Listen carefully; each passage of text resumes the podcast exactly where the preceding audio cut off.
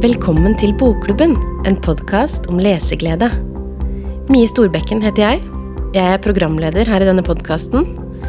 Nå er vi tilbake med en ny sesong, og starter med et brak. Bokklubbens direktør Ingeborg Woland har nemlig fått gleden av å snakke med Tore Renberg, som er aktuell med boka Lungeflyteprøven nå i høst. God fornøyelse.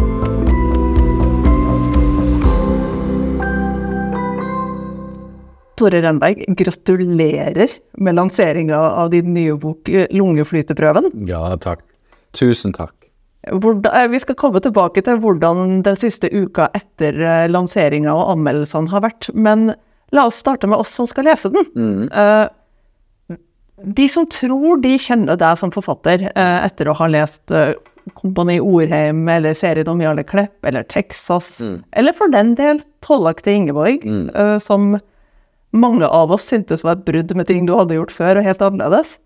De kommer fortsatt til å bli ganske overraska over denne boka.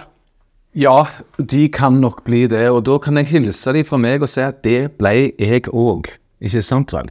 Og dette forfatterskapet er litt sånn laga at han som skriver disse bøkene, sitter og blir på en måte angrepet av romaner. Det er min opplevelse her. Jeg, eh, jeg sitter ikke og leter etter et materiale. Det er akkurat som om det leter etter meg. Eh, og derfor, derfor ser også disse romanene på utsiden, eller i, i øyensynlig forskjellige ut, ikke sant vel? Nei, hva er det nå han skriver om? Eh, ja, dette er samtid, nære samtidsromaner om å være ung i Stavanger, mann som elsker ting med Energien, kraften, Jarle Klepp og den gjengen der. Venstre radikal, hvem skal jeg være? Identitet. Jeg forelsker en gutt. Hæ? What? Eller, ikke sant, du er så lys. Min egen kanskje personlige favoritt. Utrolig, om et utrolig sørgelig emne innenfor psykisk helse. Og så er det Tollak som sitter oppe i dalen der og raser, jeg vil ikke være med mer. Og den viltre Texas-gjengen. Og så plutselig, kanskje, Anna Vogt. Unge, 15 år gamle, stakkars Anna Vogt som står tiltalt for spedbarnsdrap i 1681. En helt grusom historie. Hva er felles for dette? Jo, karakterene, menneskene, emosjonene. Nå analyserer jeg meg sjøl, men det, det, jeg må jo gjøre det. Og det tror jeg at alle mine lesere, de som leser mine bøker, kjenner da. At han der der, han skriver om de utsatte menneskene. Hver gang. Hver eneste gang. Men det er bare det at de, noen ganger ser det ut som Tollag. Noen ganger ser det ut som den forhutla Hillevågsgjengen. Noen ganger ser det ut som Tannbrød kjører Yngve. Og så ser det ut som Anna Vogt i Tyskland. Så for meg henger det sammen, sant? Du forstår? Jeg forstår det Ja. absolutt. Men eh, du sier du blir angrepet av romaner. Mm. hvordan kom angrepet fra Leipzig på 1600-tallet til deg? Ja, det skal jeg fortelle deg. I januar 2018 så satt jeg og skrev på noe helt annet. Og det var et stoff som gjorde at jeg måtte sette meg litt inn i rettsmedisin. Kjempespennende område, ikke sant? Alle har sett sånn CSI, og du vet hvor liksom heftig det er. Altså, gå inn i et rom, der ligger det et lik, hvilket som helst da. Så skal du finne ut hvordan i all verden har dette omkommet? Er det noe guffent her, og det er det ofte, ikke sant? Og så setter vi inn i dette fagfeltet litt, og så leser jeg en bok hvor det står det følgende.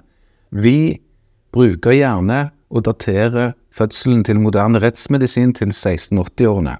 Ok, tenker jeg, jaha, fødselen til moderne rettsmedisin. Og så står det følgende.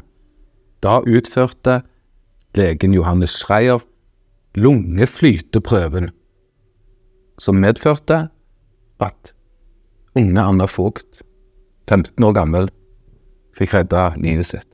Og forfatteren i meg satt moderne rettsmedisin. Ok. Lungeflyteprøven. Ikke engang Olav H. Hauge kunne komme på et så intenst ord, som består av tre, tre forskjellige lunger. Flyteprøven, hva er det, tenker forfatteren Tore Rønberg. Og så, det triste. Mennesket som alltid da får meg til å liksom hoppe i stolen. En 15 år gammel jente som sto tiltalt. Trua med dødsstraff. ble redda livet til. Og i disse tre elementene her så tenkte jeg ok, dette må det være lagt romaner om. Dette må det være lagt TV-serier om, ikke sant vel? Det er bare å gi opp med en gang. Og så begynner jeg å google rundt, og så er det ikke det. Det er ingenting.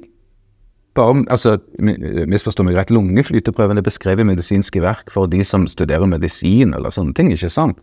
og rettsmedisin. Men den historien er det jo ingen som har fortalt, og finner ut til min store hva skal jeg si, forbløffelse og glede for så vidt, at det er ingen som har tatt i dette materialet. Disse originalkildene har ligget siden begynnelsen av 1700-tallet. Og det er jeg som sitter med det. Så jeg satt der og kjente det romanangrepet som du spør om, ikke sant vel? Og da var det gjort, altså. Da står gjort på en dag eller to. Ok, Tore, du får lære deg alt om 1600-tallet, da. ja. ja. Forstår du? Ja, jeg forstår det kjempegodt. Ja. Og det har blitt en veldig fascinerende roman. Vi skal ikke si for mye om den før folk får lest den. Men vi møter Du har egentlig nevnt eh, de tre hovedpersonene allerede. Ja. Eh, 15 år gamle Anna, tiltalt for å ha drept sitt spedbarn. Ja. eh, Og hennes advokat Ja. og en overivrig lege. Ja. Um, hvis du skal beskrive boka for de som ikke har lest den ennå, hva slags bok er det her? kan gå inn fra mange kanter, men det enkleste er å si at dette er en mangefasettert roman, historisk roman om en tid og om en, en rettssak og en, en tragedie. Det, når jeg sier mangefasettert, så mener jeg at den er fortalt av mange stemmer. Her får du lytte til Anna. Her får du lytte til faren, som er rasende. Hvem er ikke det? Noen har tatt ungen din. Det var noe av det første jeg fikk, liksom Noen fikk meg til å svette. Det var dette er forferdelig. Noen er etter barnet ditt. Jeg er jo pappa sjøl, sant. Hva gjør du? Hvor langt er du villig til å gå hvis noen tar ungen din langt? Så det er, her får du lytte til. Du får lytte til, som du sa, advokaten. Du får lytte til legen. De forskjellige posisjonene i samfunnet. Du får møte skarpretteren, altså bøddelen i Leipzig, som har dette som sin dagjobb. Og pine folk.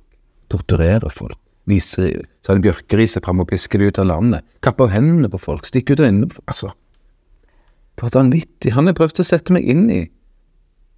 Christoph Heinzetter, han setter meg inn i hva slags liv har du når det er jobben din i 40 år? Han, har- han, dette er helt vilt. Så jeg skilte derfor meningen at det er en mangefasettert historisk roman om en ja, la oss si rettssak og en stor skjebne, da. Ja, derfor jeg, jeg, tenker jo at det her kunne ha vært en, eh, et moderne rettssalsdrama. Sånn rent eh, Du kunne ha sett det her på TV, ja. har jeg tenkt flere Ja, ja. ganger mens jeg leste. Eh, du vet, når jeg, når jeg jobba med dette materialet, så så jeg at det, det er akkurat som det er komponert for en roman. Eller som du sier, da, en sånn seks episoders TV-serie. Det er helt eh, Det var på en måte som det lå der, og jeg måtte grave det fram og fylle ut hullene. Kilden er jo Ikke sant? Der sitter forfatter, og så står det 'Anna ble fengsla'. Og så står det at du Nå røper vi litt, men det kan vi gjøre. Litt. At du er i fengsel i to år. Men det står ikke hvor hun var. Det står ikke hvordan hun hadde det der.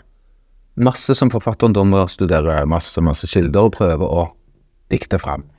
Så det her har egentlig vært dine koronaår? Denne researchen? Jeg har ikke tenkt på det, men ja, faktisk. Og det, jeg begynte jo i 2018 med dette, så det har pågått fryktelig lenge. Uh, og så kom pandemien, og det forpurra jo en del ting for meg, fordi jeg drev og reiste opp og ned til Tyskland. Og leita i arkiver og gikk i gater og prøvde å finne ut hvor Anna Vogt bodde. Var det mulig å finne fødselsattesten? Konfirm hvor konfirmerte hun seg? Var hun kanskje gift? Når døde hun? Og så videre og så videre. Utrolig spennende sånn detektivarbeid hvor du går sånn Kirkebøkene, er de der? Så er de brent, for eksempel. Øh. men ja, pandemien forpurra jo alle mine reiser til Tyskland. Men det må ha vært uh, et intenst researcharbeid. er det sånn Altså, hvordan er du når du er i den der researchfasen?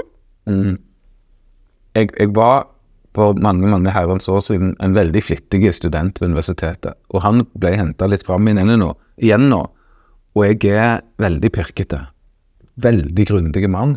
Kanskje for å dra at det står dører eller vinduer og slamrer i rommet, så tenker jeg sånn hva, er- det som egentlig har foregått her? Kanskje for å dra det. Så jeg har fått bruk, veldig bruk for grundigheten min. Jeg får nesten litt dårlig samvittighet jeg, hvis jeg ikke sjekker det opp ordentlig. Så jeg har um, lest så mange tusen sider, og jeg har lært meg å lese gotisk tysk. Jeg tar privattime i tysk. Ja, Snakka du tysk fra før? Nei, jeg hadde skoletysk eh, hvor jeg hadde G minus. Uh, så det var helt ødelagt, og kunne det aldri, nei. Så, så men Uendelige mengder med bøker har jeg lest. Enorme mengder med folk har jeg tatt kontakt med. Jeg kan jo ikke medisin, jeg kan ikke rettsmedisin osv. osv. Rettshistorie, hva det måtte være. Juss. 1600-tallsjuss. 1600-tallsmedisin. Så det ble, når det valget var tatt, da Denne romanen, den skal jeg skrive. Så ble det fryktelig mange eh, fjelltopper, Romsdalstinder å klatre på, sant? Er det sånn at du da researcher først, og så kommer det et punkt hvor du setter deg ned og sier 'nå skal jeg skrive'? Eller skjer det litt sånn om hverandre? Det, det, det, det er mest det første du sier det er fordi at jeg ikke klarer å skrive uten trygghet. Hvis ikke jeg La oss si at du og meg var søsken, for eksempel, på 1600-tallet. Hvis jeg skal skildre oss da, hvis ikke jeg vet Men gikk jeg med parykk? Gikk du med snøreliv? Eh, hvordan hadde vi lov til å snakke sammen overfor våre foreldre, f.eks.? At ikke sant, måtte vi si de, osv., osv., osv. Tok vi postvognen til nabobyen, du og meg, eller spaserte vi, eller var rei vi til hest? Altså, det var så uendelig mye jeg ikke kunne se, og da klarer jeg ikke å se det for meg. Og da kommer ikke min innlevelse i gang, og da tørker det romanstoffet opp omtrent før det har begynt. da. Så jeg må gjøre veldig mye research på forhånd, sånn at jeg kjenner tryggheten, og da kan jeg bli fri. Og, og så er det researchfase nummer to, så er det å sjekke etterpå om det du har gjort. Nei, var dette riktig? Sant? Så, men, men jeg gjør veldig mye i forkant. Det gjorde jeg eksempel, altså noen av lytterne jeg kan huske at jeg skrev en liten roman som het 'Mannen som elsket Yngve' en gang i tiden. og da hadde jeg faktisk samme metode, at jeg skulle være sånn superdokumentarisk overfor Du vet, dette foregikk rett rundt murens fall, for de, de av lytterne våre som husker det, eller har hørt om det. Dramatisk tid i moderne historie, ikke sant. Det var slutten på det kalde krigen, og vi hadde første store miljøbølgen i moderne tid, Fredrik Hauge og Bellona og alt det der. Da var jeg òg veldig etterrettelig. Ville at det skulle skildre Stavanger, og det å være ung sånn at du nesten skulle kjenne at dette var sant. Altså som om det hadde virkelig hendt. Så sånn lå jeg på. Det er min, det er min måte å være forfatter på, ja. Jo, men jeg sitter jo igjen, altså etter å ha lest boka, så sitter jeg for det første igjen med følelsen av å ha lest en skikkelig god roman. Eh, men det andre jeg sitter igjen med, er også at jeg har lært skikkelig masse eh, om andre halvdel av 1600-tallet og Ja. Tyskland. Eh, og dessuten om ting jeg ikke ante at jeg var interessert i. ja. Ja. fantastisk opplevelse, og det er den jeg òg har hatt. Så det tror jeg at hvis jeg har hatt den veldig sterkt, så er det sjanser for å le- leseren som kanskje først tenker nei, 1600, er ikke dette litt fremmed, skal jeg inn dit? Og så videre, som en helt naturlig reaksjon på et historisk eh, materiale som du er litt fremmed for. Skal jeg lese om Spania på 1300-tallet, hvorfor skal jeg det? Jo, hvis forfatteren turnerer det godt, og hvis, hvis materialet er godt, så skal du jo det. Og så vil du kjenne den, det som du beskriver der, gleden av å lære dette, da, som kan være kjempestore når det er spennende materiale. Eh, så det har jo jeg opplevd hele tiden, med mange, mange og, og ting som har med den romanen å gjøre, og, og um, frykt og skrekk. Altså, det er jo ting her som er veldig, veldig alvorlige. Veldig fæle. Det er noen ganske groteske passasjer her. Ja, som du nesten ikke tror når du forsker i det, sånn som meg, at kan det være sant? Gjorde de det? Eh, og så tenker du etterpå, ja, men vent nå her, gjør de ikke det i Iran i dag? Jo, faktisk. Ja, og det der er mm, veldig interessant hvordan man plutselig sitter og ser paralleller fra historien til enten hvordan vi som mennesker er, eller hvordan samfunn fungerer eh, også i dag. Ja. Men hvilket forhold har du sjøl hatt til sjangeren historisk roman, før du nå har gått løs på å skrive en? Ja, det er fint at du spør om det, for da i mine yngre år, nå er jeg jo blitt en eh, 51 år gammel mann, så jeg eh, nærmer meg høsten. Nei da. I mine yngre år som leser så skremte både den historiske romanen og det historiske materialet meg. Jeg kunne lite, jeg hadde ikke studert noe historie, og ble ofte litt sånn redd for dette fortidsmaterialet, og følte meg kanskje litt sånn underlegen. Så jeg leste ikke så mye historiske romaner i 20-årene mine. Og så har det kommet mer og mer. Det har seget mer og mer på. Og i takt med at eh, kanskje, dette er en spekulasjon, kanskje har den historiske romanen blitt bedre og mer tilgjengelig det siste året. Det er veldig mange skikkelig gode i eksempel i Norge. Edvard Hoem, verdens beste forfatter fra Romsdal. Det er mulig Bjørnstjerne Bjørnson vil diskutere akkurat det, men, men vi kan være enige. Bjørnson Ja, var ikke så, Bjørnson var ikke så veldig bra. Han var viktig i nasjonsbyggingen, mine to venn. Eh, Edvard Hoem, nei men kom igjen da, hvem har større kjærlighet for menneskene enn Edvard Hoem? Sangen til livet. Altså Og sånn som han der har gjort med disse romanene fra og med mors og fars historie framover, det er bare, bare nydelig. Eh, 'Slåttegård i himmelen' og alt dette her. Det var noen romaner som åpna opp den historiske romanen for meg. Hvorfor det? Jo, for han bringer det så nært. Ikke sant? Skjebnene og portrettene. Og poesien og klangen. Han er god på det språket, og det må vi vel snakke om litt med hvordan, hvordan jeg har gått fram med det språklige. Men ja, Edvard Hoem. Kim Leine, Rød mann, sort mann. Uh, Lars Mytting etc. Vi har veldig mange gode historiske romanforfattere nå. Det kommer mange i høst også. Jeg vil si at Du er bare først i køen av dem. Jeg vet at uh, vi sitter og venter Eller Lars Mytting, uh, Simon Stranger, Aslak Nore. Ja. Det kommer mange gode historiske romaner, og det er etter at Ingeborg Arvola fikk uh, Brageprisen i fjor Ja. for sin Ja. ja. Den sitter jeg akkurat og leser nå, faktisk. Så, og så da går du til de store klassikerne, og så ser jeg at jeg har jo lest noen av disse før. Ja, eh, eh, Ann-Margrit av Falkberg. Fy fader, det er 1600-tallet om, om stakkars kjempe Ane. Veldig store paralleller, sterke paralleller til lungeflytteprøven har jeg plutselig oppdaga. Kan nevne i fleng glimrende historiske romaner. Så mitt forhold til den har endra seg sterkt, og og, og både i takt med det som skjer nå, ja, og, og ikke minst via dette arbeidet som er så fantastisk. Jeg, jeg har jo ikke lyst til å framstå på noen annen måte enn at denne romanen er skrevet i så stor glede. Et strev, ja. Skikkelig strev, men med hver eneste dag har jeg lyst til å Jeg står på morgenen så har jeg lyst til å være med Anna. Jeg syns jeg på en måte har smakt det når jeg har lest uh, setningene dine, eh, og også fordi du sa i stad det er mange forskjellige innfallsvinkler til denne historien. Eh, og jeg syns jeg kjenner igjen at du prøver å gi hver av de innfallsvinklene sitt eget språk, eller hvordan ville de ha fortalt det? Riktig det. Um, vi starta jo litt tidligere denne samtalen med, med å snakke litt om, om det mangefasetterte, om alle stemmene. Og så er jo denne forfatteren her Jeg er sånn lagd at jeg går til hvert verk og prøver å finne det verkets stemme. De, de karakterene stemmer. Så når jeg skrev om Tollak Jeg er ikke mer lenger. Sant? Den tida vi lever i nå, hun er ikke mi.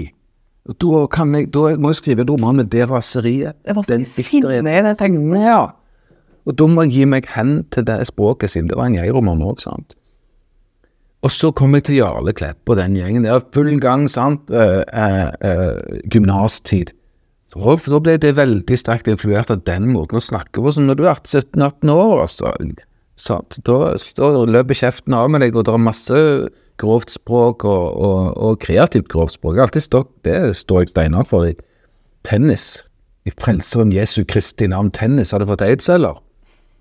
Du kan si det er frekt, men det er skikkelig, skikkelig kreativt. Ja, men det er kjempekreativt. Ja. Uh, og jeg tenker at uh, når jeg kan plukke opp det som leser, så kan jeg på en måte kjenne at du har hatt det litt gøy når du har sittet der foran tastaturet. Absolutt. Og sånn, akkurat på samme måten har jeg gått til dette materialet. Hvordan er stemmen til Christian Tomasius, altså advokaten som kjemper for Anders sak i rettssalene? Hvordan hans tenkemåte og, og, og, og, klang? Hvordan er stemmen til den rasende, forferdelig, trist, triste, hevnende pappaen? Og hvordan er stemmen til Anna? Når hun sitter og har rømt for å ikke bli tatt av myndighetene, så skriver hun et brev til pappaen sin, og så skriver hun Min kjære hjertes aller elskede og, og dyktige pappa. Så skriver hun Hvor lenge tror du jeg nei, hvor lenge tror de jeg får leve, pappa? Sant? Satt jeg nesten og grein og skrev sjøl. Da prøvde jeg å få tak i den 15 år gamle unge stemmen fra 1600-tallet. Og så er det klart, du. Jeg kunne jo ikke skrive dette i 1600-tallsspråk helt og fullt, for da hadde du rett og slett ikke Ja, du hadde klart å lese det, men du hadde følt det var veldig fremmed. Hvis du gjør som jeg har gjort, studerer gamle, disse gamle tekstene, språket er skikkelig annerledes. Les Petter Dass, alle sammen. Veldig god forfatter for øvrig. Nordlands trompet, sant, og så vil du se at ok, det er en jobb å lese det nå. Så jeg måtte finne et språk som var nokså sånn ja, eller veldig influert av det gammeldagse, men ikke helt og fullt det. Og det, det var en svær jobb også. Svær litterær jobb å treffe den La oss håpe jeg har gjort det. Treffe den klangen, poesien, tonen. Alle som leser bøker, elsker jo Alle elsker en godt skrevet roman, sant? Sånn er det jo bare. Nei, og um, jeg har et par kollegaer som eh, da de begynte å bla i den, ble litt sånn Oi, det her begynte litt sånn derre tungt, byråkratisk kansellispråk, for det er vi med vår venn legen, som jeg ikke skal si for mye om nå, men det er sånn Fortsette det sånn hele veien? Og da kunne jeg forklart til dem at nei, nei, du skal gjennom det første kapittelet, så får du se noe helt annet. Ja, og så du, du vil skjønne ganske fort at å ja, ok, vi skal inn og se de ulike måtene å snakke på. I dette samfunnet utrolig sterk sosial kontroll. Det er et slags DDR, eller kan man si et slags Russland, hvor alle menneskene må kikke seg over skulderen for å se om myndighetene er til stede, altså kirken eller eller, eller staten? Er de til stede og ser om jeg gjør noe feil nå? Er de til stede om jeg ser, sier noe feil? Hva minner dette om? Jo, det minner om ytringsfrihetsproblematikk som hele verden er full av i dag, sant? Um, så derfor er de nødt til å føre, føre, sin egen, føre sitt eget språk, fører språket sitt i liksom faste, som du sa, former, da. Og det har jeg måttet uh, ta veldig sterkt hensyn til å studere. Og så har jeg syntes det har vært moro òg. Når det kommer innflytende i boken, så vil du se at han der Johannes Schreier, som du nevner, han legen, han går hele tiden sånn og løfter nakken, og så sier han ja, eh, det er meg, Johannes Schreier. Han er òg en ganske imisk, komisk figur, da. Jeg liker ham veldig godt. Og så sender du boka til forlaget, og så har du en prosess der, og så er det bare å vente på at den faktisk da lanseres. Ja. Uh, og nå har du levd i sånn ca. fire-fem dager mm. etter anmeldelsen og lanseringa kom ut. Og vi tar ikke i for hardt når vi sier at det her er en soleklar sekser i yatzy. Altså det er ikke ja. Jeg skal ikke sitte og skryte av meg sjøl, for det har jeg lært av min mor at det er utrolig ulekkert, og det er det jo. Men jeg får vel lov til å være litt stolt, og så får jeg lov til å være litt øh, sånn måpende. For jeg har aldri i mitt liv sett maken til mottakelse. Og det er jo klart at med fem, disse fem og et halvt årene med denne medisinske prøven som kan rydde. Ta det inn over deg at den kan redde masse, masse kvinner sitt liv. Hvis du og meg nå er vi fortsatt et søskenpar i, i 1680-årene, og hvis det skjer noe med deg, du er da min søster, i denne, i denne um, retningen Si du skulle bli gravid etter et overfall av en fæl sort, eller bare et eller annet slags uhell, så vet jo jeg, bror din, at ei, nå er det store krisen. Og så kommer det altså en medisinsk prøve som kan medføre at disse jentene blir redd, livet blir redda, da. Det har jeg sittet med i disse årene. Det er klart Når dette materialet da kommer ut, og så ser du Det kommuniserer. Det blir oppfatta like oppsiktsvekkende som det var for meg da jeg fant det i 2018. Og så ser du at de mener at du har turnert det godt. Da blir du selvfølgelig forferdelig glad. Og så regner jeg med at altså man har jo lagt en plan for lansering gjennom høsten, mm. og du skulle på en turné og litt sånne ting. Mm. Er det da sånn at dere må kaste rundt på alt? Hvordan har de siste dagene det vært? Må ikke det. Må ikke det. Jeg, jeg, er en sånn forfatter som planlegger voldsomt mye sånt, og så går jeg ut høyt, og så håper jeg at det holder. Det er klart at med en så svær turné som jeg har lagt opp til for lenge siden, så blir det tungt å dra rundt på hvis du får masse triere. Så der, der, jeg driver jo og risikerer mye. Og, og det står jeg for. Um, det er ikke det at vi må kaste om på noe, men bare for oh, Det er bare det at kalenderen min er helt stappa, for alt er mye mer enn uh, en, uh, jeg kunne forestille meg at det kunne skje. Jeg springer jo fra mediehus til mediehus, og telefonen står ikke stille. Og alle skal snakke med meg, og det er bare kjekt. Og det er et fantastisk moment i min forfatterkarriere, så jeg må bare nyte det. Men jeg kan ikke si at han er ganske sliten. jeg tror mange av oss som har eh, fulgt deg i noen år, vet at du er jo også ganske tett på leserne dine, og ganske aktiv i sosiale medier og sånn. Så jeg håper du også har fått kjent en del på den kjærligheten som folk sikkert har lyst til å vise deg nå? Ja, jeg, satte, jeg er det jeg elsker den kontakten jeg har fått med, med leserne mine. og Jeg syns at det er så flott at de er der. Og har en liten tone i siden til alle de som sier at ingen leser bøker lenger, for det stemmer ikke. Hallo, alle sammen der ute. Det er en for, Unnskyld nå tar vi en liten avstikker dit. Det er en fortelling som har satt seg i offentligheten.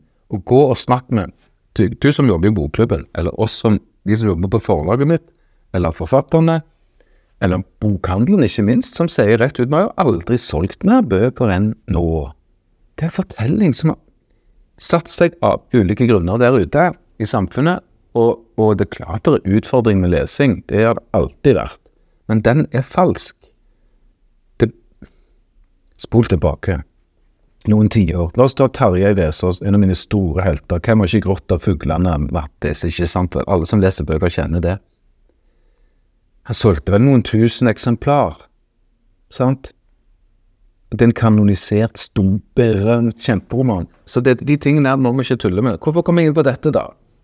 Eh, Vi snakker om kjærligheten fra leserne. Ja. Kjærligheten fra leserne. Og så sitter jeg med mange, mange mange hundre kommentarer etter en post på Facebook her fra, fra lykkelige lesere som enten har lest denne romanen, eller skal gjøre det, eller vil bare vil gratulere.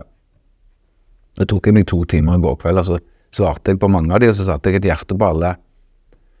Fordi jeg syns det er så fabelaktig at vi har fått den kommunikasjonen rundt, rundt litteraturen nå. Den fantes jo ikke før. Den fantes rett og slett ikke. Dette er et stort kafébord. Det er et veldig stort kafébord.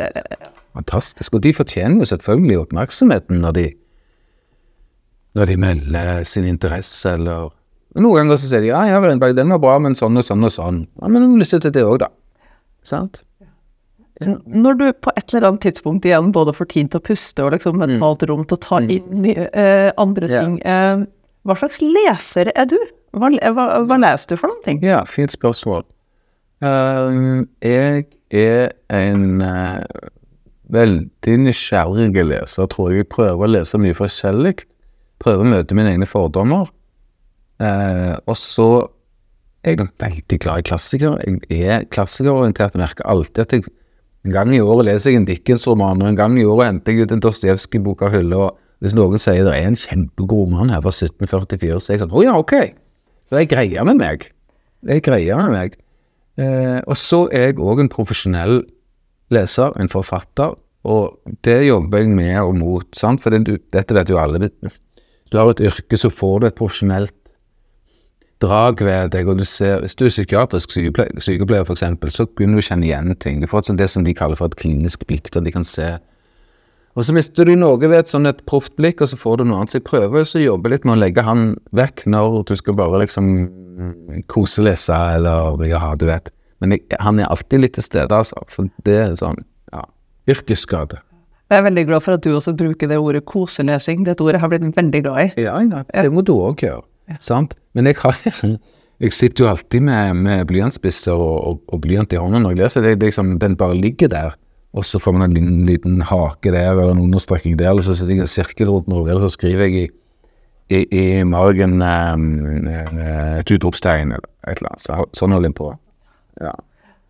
Fins det ei bok som du liksom har lest, som du har tenkt at åh, den skulle jeg ønske jeg hadde skrevet? Mange Eh, Eksempel. mange Jeg er jo veldig beundrende mann. Det, det tror jeg har hjulpet meg opp gjennom årene. At jeg har lett for å beundre folk og, og prestasjoner og Ja.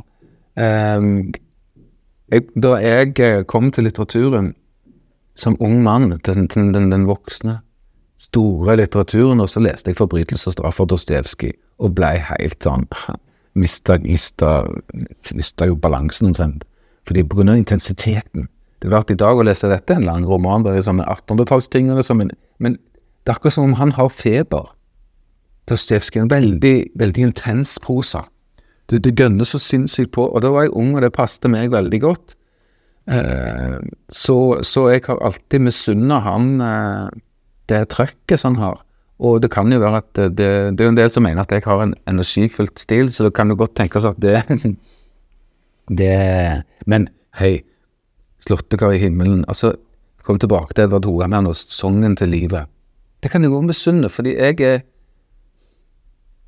skal ikke, skal ikke gjøre dette til en podkast om, om mitt liv, men jeg har gått gjennom ganske mye heftig i mitt liv. Og jeg, jeg mener ikke å si at jeg skal være noe offer, for det er jeg helt uinteressert i. Bare konstatere det at jeg eh, hadde en eh, røff, røff barndom med mye, mye tøft. Så jeg har en tendens til å se tragedie. Eh, og det drar meg jo òg mot livets store, det med livets store alvor. Uh, og, uh, og dermed lengselen etter lyset. Lengselen etter gleden og latteren. Og, og det vil folk se som er glad i mine bøker, at det strekket der er ganske stort. Det vil være mye komikk i mine bøker, og tragikk samtidig. Det er de viktigste historiene er jo de som rommer begge deler. Ja, kanskje de er det. Kanskje de er det. Men på spørsmålet så, så er det så mange romaner jeg sitter og tenker å, den skulle jeg ha skrevet, den beundrer jeg. At jeg kan nesten ikke Og det er en fin følelse, da. Og, Og så er det en gang iblant, hvis jeg leser den helt liksom det øverste nivået, hvor de, liksom, de bare tryller med språket og de bare tryller med fortellingen, så kan du òg bli litt mismodig og tenke sånn Kan jeg, lille Tore, kan det være mulig? Jeg er 1,73 høy, ikke sant? kan jeg få det til? Jeg, jeg, jeg tror mange vil argumentere for at du har gjort det. Um, også, Jeg vet jeg får lov å si Ja. at jeg var en gang en ung mann som hadde oppdaga litteraturen og begynte å skrive dikt i dagboken min. Og drømmen den gangen, det var å kysse ei jente. og, og så da, tenk, tenk hvis jeg en gang kan få holde min egen bok i hånda. Altså, det var, det var himmelen, da. Og så sitter jeg her nå og har skrevet mange bøker og opplever det som jeg opplever nå, med lungeflyteprøven, som jeg kanskje aldri kommer til å oppleve igjen, fordi det er så, så vilt akkurat nå. Nå er det vilt, altså. Ja. Så det er en, en bringebærdråpe, så jeg må, må smake lenge på dette. Jeg håper jo du tar deg litt tid til det, men jeg, jeg så også i et intervju at uh, du er en sånn forfatter som liksom starter på neste prosjekt, nesten før det forrige er levert. Ja, ja. Eh, Så det vil si at du er allerede i gang med, med noe nytt. lenge før. Ja. Lenge før. Jeg, lik, eh, jeg har angst for deadline. Eh, så jeg er alltid ferdig med alt mulig lenge før. I går bakte jeg en suksesskake. Jeg har begynt å bake litt mer avanserte ting nå. Suksesskake er ikke så lett. Alle vet den med gul krem på. Det, det, jeg må jobbe med den der gule kremen og få en ordentlig skinnende, glinsende og stiv. Og så er det noe å få Det der med å vende inn mandler i, i sånn pøffa, nesten marengsaktig eh, gass er vanskelig, vanskelig. Men det går fikk jeg til en god suksesskake, skjønner du. Så det holder jeg på med. Um, hvorfor sa jeg dette? Eh, Vi begynte å snakke om å gå med neste program. Ja, sånn var det det. det kommer kokebok? Jeg skulle bare si grunnen, grunnen til at jeg bakte den, det er fordi vi skal ha selskap for mamma om to uker. Så derfor baker jeg den, og noen boller, så fryser de. For jeg klarer ikke tanken på å stå der to dager før, og kanskje det skjer noe, bla, bla. Og sånn er det med romanene mine òg. Så de begynner jeg på, eller diktene, eller hva jeg bare skal skrive, lenge før. Dels fordi jeg har deadline-angst, dels fordi at det trykker så sinnssykt på med ideer i meg. Jeg sitter med mobiltelefonen min, den er, den er den moderne notatboken for meg.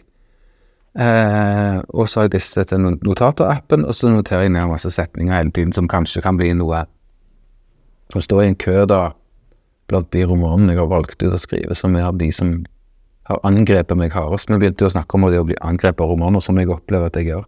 Så jeg har, jeg kan ikke si, sitte her og si hva jeg har begynt på, men jeg kan si at jeg har eh, Ok, jeg kan si at jeg har skrevet ferdig en hel bok, faktisk.